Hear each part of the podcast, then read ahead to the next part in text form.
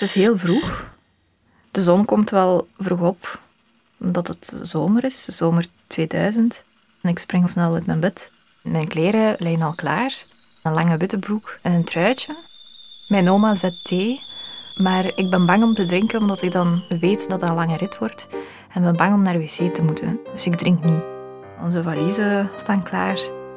En mijn oma maakt nog, zoals altijd, kasha. En ik kan eigenlijk niet wachten om te vertrekken. Plots is iedereen daar ook. Mijn tante, mijn onkel, mijn neven en nichten staan daar ook. Onze beste vrienden komen ook afscheid nemen. Ze zien er allemaal triestig uit, terwijl ik zoiets heb, kom aan, ik kan hier eindelijk weg.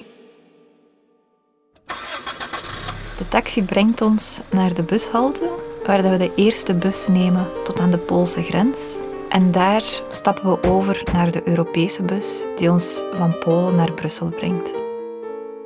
En daar zien we geen Russen meer. Enkel wij en de rest zijn allemaal echte Europeanen.